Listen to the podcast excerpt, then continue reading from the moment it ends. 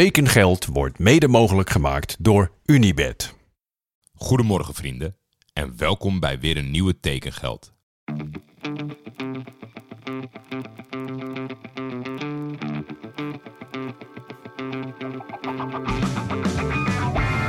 Waar gaat Hildeman naartoe? Ik kan u mededelen dat er overeenstemming is bereikt met Johan Cruijff bij Feyenoord. Navarone voor. Vandaag in andere kleuren, hè? Ja, dat zeker. Dat is wel even wennen natuurlijk. Berghuis, een van de meest besproken transfers ooit, denk ik.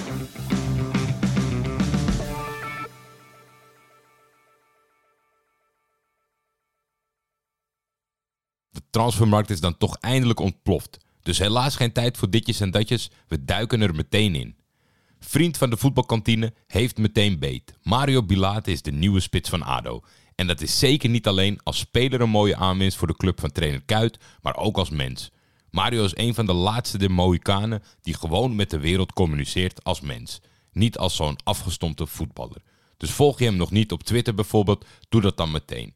Ik zag hem op Insta dollen met Verheid over stieren in de voorhoede. Als die twee een klik krijgen, kan het wel eens heel lastig worden voor menig defensie in de KKD.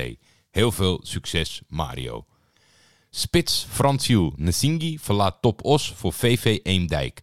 Dat uitkomt in de vierde divisie B zaterdag. Top heeft er geen bericht op de website aan besteed, dus laten wij het ook hierbij. Ik besteed in tegenstelling tot de Ossenaren wel heel veel aandacht aan mijn website. Sinds ik een nieuwe heb laten maken door modern.nl. Misschien moet Top eens aankloppen bij Marco. Zijn focus ligt op het MKB en op freelancers. Maar als je elk jaar een complete selectie vervangt voor een nieuwe, ben je dan eigenlijk geen freelancers hub? Vroeger keek ik nooit op mijn website. Nu elke dag. Voor maatwerk, content zelfbeheren en remote assistentie moet je bij modern.nl zijn. En jullie krijgen ook nog eens een mooie korting.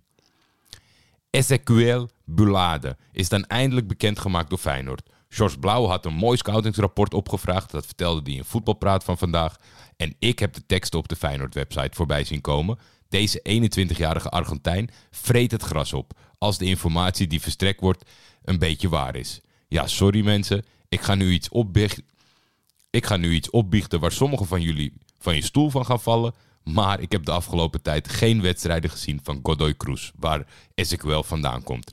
Maar als die informatie dus waar is, dan moet deze jongen een hit worden in de Kuip. Dat kan niet anders. Ik kijk er naar uit om hem te ontdekken. NEC heeft Landry Di Matta voor één seizoen vastgelegd. Hij komt over van Espanyol, dus ik nam direct contact op met Ewan McTeer en Alvaro Romeo, mijn internationale La Liga go-to-mannen, een samenvatting van hun woorden. No, not really. Di Matta hardly ever played for Espanyol to be honest. He was so rarely used. Dus zij konden mij niks vertellen. Landry maakte ooit indruk bij Oostende en verdiende daar een dikke transfer mee naar Wolfsburg. Bij Anderlecht liet hij af en toe nog wat van zijn klasse zien, maar dat is inmiddels ook alweer een tijdje geleden. Ted van Leeuwen denkt daar overigens compleet anders over. Landry is een spits die we al jaren volgen. Het leek een lange tijd onmogelijk om hem naar Nijmegen te halen, maar onder druk wordt alles vloeibaar. Mooi gesproken weer, Ted. Landry is een exponent van een generatie Belgische topspitsen. Hij combineert snelheid met een goede balcontrole en is één van de beste koppers in de Spaanse La Liga. Nou ja, daar heeft hij amper gespeeld, dus ik weet niet wat Ted dit van vandaan haalt. Een ernstige knieblessure speelde hem in het verleden parten, maar nu is hij klaar om zijn kwaliteiten te tonen bij NEC. Landry heeft de voorbereiding meegedraaid in Spanje, alleen heeft hij nog wel wat wedstrijdminuten nodig om maximaal te kunnen presteren. Naast Pedro biedt hij ons extra ruimte in de breedte. We zijn ontzettend blij dat hij dit seizoen uitkomt voor NEC. En ik ben vooral heel blij voor Landry dat Ted die ene kopbal heeft gezien.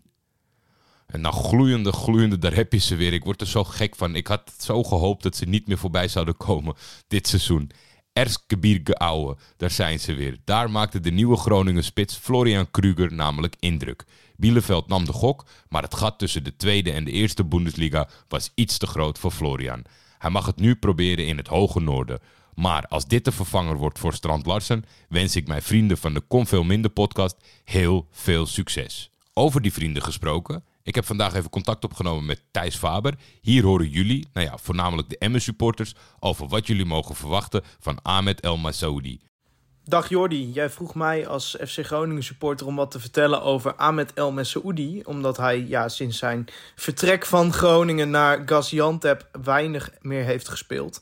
Uh, mij verbaast het wel dat uh, Ahmed weinig gespeeld heeft bij Gaziantep. Uh, ik vind Ahmed echt een goede speler. Ik, ik, was echt fan van hem bij FC Groningen. Zeker als hij topfit was. maar daar kom ik zo later op terug. Ja, wat voor speler is het nou? Het is niet echt een 10 die een speler alleen voor de keeper kan zetten met een steekpaas. Het is ook niet een 6 die heel veel verdedigende acties maakt. Ja, het is een hele multifunctionele middenvelder met een goede dribbel, sterk aan de bal. Hij heeft ook wel overzicht. Uh, en uh, hij kan heel makkelijk scoren. Zeker in zijn laatste seizoen bij FC Groningen is hij op acht doelpunten uitgekomen. Uh, is een goede kopper. hij heeft best een goede trap. Dat is nog wel een leuk verhaal. Want nou ja, in zijn eerste periode scoorde hij niet zoveel. En dan hadden wij het wel eens over rondom een podcast met Adrie Poldervaart. assistent toen bij FC Groningen. En die zei: Ja, maar jongens, op de training maakt hij de ene na de andere. Toen hebben wij een weddenschap afgesloten met Adrie. Van nou, als Ahmed dan in de komende wedstrijden weet te scoren, dan krijg jij van ons een, eh, een maaltijd aangeboden. En uh, nou ja, dat lukte toen. Uh, met Saoedi scoorde. Volgens mij was dat uit bij Willem II of uit bij AZ. Ik weet het niet meer zeker. Maar hij scoorde in ieder geval in beide wedstrijden. En toen maakte hij bij het juichen ja, een gebaar. Ja, dat is het vervelende aan podcast. Dat kan je nu niet nadoen. Maar hij deed alsof hij aan het eten was in het veld. Uh, als het ware bij het juichen richting Adrie Poldervaart. En dat bleek dus achteraf om die weddenschap te gaan. Dat had Adrie ook aan Ahmed verteld. Dus dat was wel ja, de nodige hilariteit toen in, in de coronaperiode... waar natuurlijk niemand in het stadion was. Dus we keken allemaal op tv. Uh, maar goed, hij heeft dus best een goede trap. Hij scoort best wel makkelijk. Uh, ja, de reden dat Groningen hem uiteindelijk heeft laten gaan voor best wel een, een laag bedrag was enerzijds omdat zijn contract nog maar een jaar doorliep, maar ook omdat hij uh, ja, niet voor het eerst niet helemaal fit terugkwam van een zomerstop of een winterstop. In dit geval was het een zomerstop. Waardoor ja, trainer Danny Buis wel tegen Mark-Jan de technisch directeur, zei... ja, ik ga hem denk ik voorlopig niet gebruiken. En ja, met het oog op dat nog maar één jaar durende contract... hebben ze toen besloten hem na het sluiten van de Nederlandse transfer window alsnog te verkopen. Uh, ja, dat is het dus niet geworden in Turkije bij Gaziantep. Ik denk wel dat als hij fit is, dat hij voor Emmen en, en ja, bijna voor elke eredivisieclub, behalve de uh, clubs die echt om de titel en om uh, directe Europees voetbal meedoen, een absolute versterking is. Dus ik denk dat ze dat bij Emmen zeer kunnen gebruiken. Hij stond ook, ondanks dat hij zelf niet altijd fit was, wel echt bekend als een van de leiders van het team van FC Groningen. Uh, hij trok vaak samen met Azor Matusiwa op om ervoor te zorgen dat de jonge spelers in het gareel werden gehouden, dat iedereen professioneel zijn trainingen volgde. En ja, ook op dat vlak was hij vorig seizoen, was zijn vertrek vorig seizoen echt een aderlating voor FC Groningen. Dus ik denk dat Emmen supporters over het algemeen zeer blij mogen zijn met deze aanwinst. Als Ahmed fit is, dan gaat hij doelpunten maken. Dan gaat hij een team bij de hand nemen. En het is gewoon voor het oog ook een hele leuke voetballer om naar te kijken. Omdat hij gewoon heel sterk is aan de bal, heel technisch is. Dus uh, ja, ik, uh, ik ben benieuwd wat het gaat worden. Ik ga het met interesse volgen. Eigenlijk hoor ik dat te vertellen, want hij komt over van Gaziantep. Maar Turkije bleek voor de zoveelste voetballer een desillusie. Dankjewel Thijs en dat lijken mij mooie berichten voor de Emmenaren. Linksbuiten Lennart Daneels verruilt RKC transfervrij voor Roda JC. Lennart kwam afgelopen seizoen amper tot speelminuten in Waalwijk.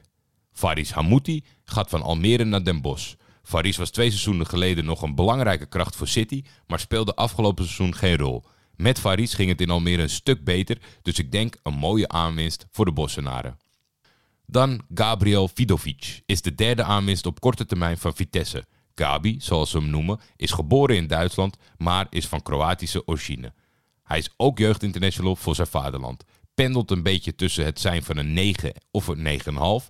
Maar mijn belangrijkste punt is, maar mijn belangrijkste punt is, ook deze jongen staat echt absoluut te boeken als megatalent, maar het is weer zo jong. De twee Polen die eerder werden aangetrokken en Gabi zijn allemaal nog zo jong. En ze zijn al zo zoekende op het veld bij Vitesse. Ik denk dat we van alle drie hele leuke dingen gaan zien dit seizoen. Maar zijn ze al constant op deze leeftijd? Ik weet het niet. Kunnen ze gedijen in het losse zand dat Vitesse momenteel nog lijkt? Ik heb zo sterk mijn twijfels daarover. Teun Bijleveld gaat ook naar Roda. De 24-jarige middenvelder verlaat Emmen definitief na één seizoen. Het eerste seizoen als volwaardige basisspeler moet toch ooit ergens gaan lukken. Succes in Kerkrade. Teun. Naji Univar dan toch naar Trabzonspor. Ik dacht dat die berichten een beetje onzin waren, maar het hield maar aan. Hij bewandelt de omgekeerde route van Ahmed Kaplan. Naji speelt het liefst natuurlijk linksbuiten, maar kan ook op 10 uit de voeten. En hier zit mijn probleem. Voor Turkse begrippen hebben ze voor veel geld een linksbuiten gekocht dit seizoen Trabzon. De Egyptische international Trezeguet. Van Aston Villa kwam die over. Die gewoon beter gedijt op links dan op rechts. Maar dit kan nog een redding zijn. Op 10 hebben ze Bakasetas. Dat is een Griek die enorm geliefd is en gewoon altijd goed speelt. Daarnaast hebben ze NS Bardi gehaald, een Macedoniër die eigenlijk vanaf de minuut dat hij daar is meteen een perfecte indruk heeft achtergelaten. Dus waar liggen de kansen? Op rechts staat Edin Fischka er altijd in. Dat is een no-brainer. Maar die heeft recent zijn arm gebroken en is nog één of twee maanden uitgeschakeld. Dus misschien kiest de coach nu meteen voor Nagy.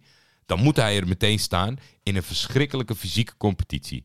Hij kan stand houden met zijn fantastische techniek, maar dat zal niet makkelijk zijn. Maar dan moet hij dus tijdens de afwezigheid van Fischka heel veel indruk gaan maken. Wil hij het de coach lastig maken? De conservatieve, saaie, behoudende coach. Ik vind het echt top, een Nederlands georiënteerd talent die mag gaan rijpen in de Super League. Ik wil niks liever dan dat het lukt. En ik zou de, ik zou de route andersom ook heel graag zien gebeuren.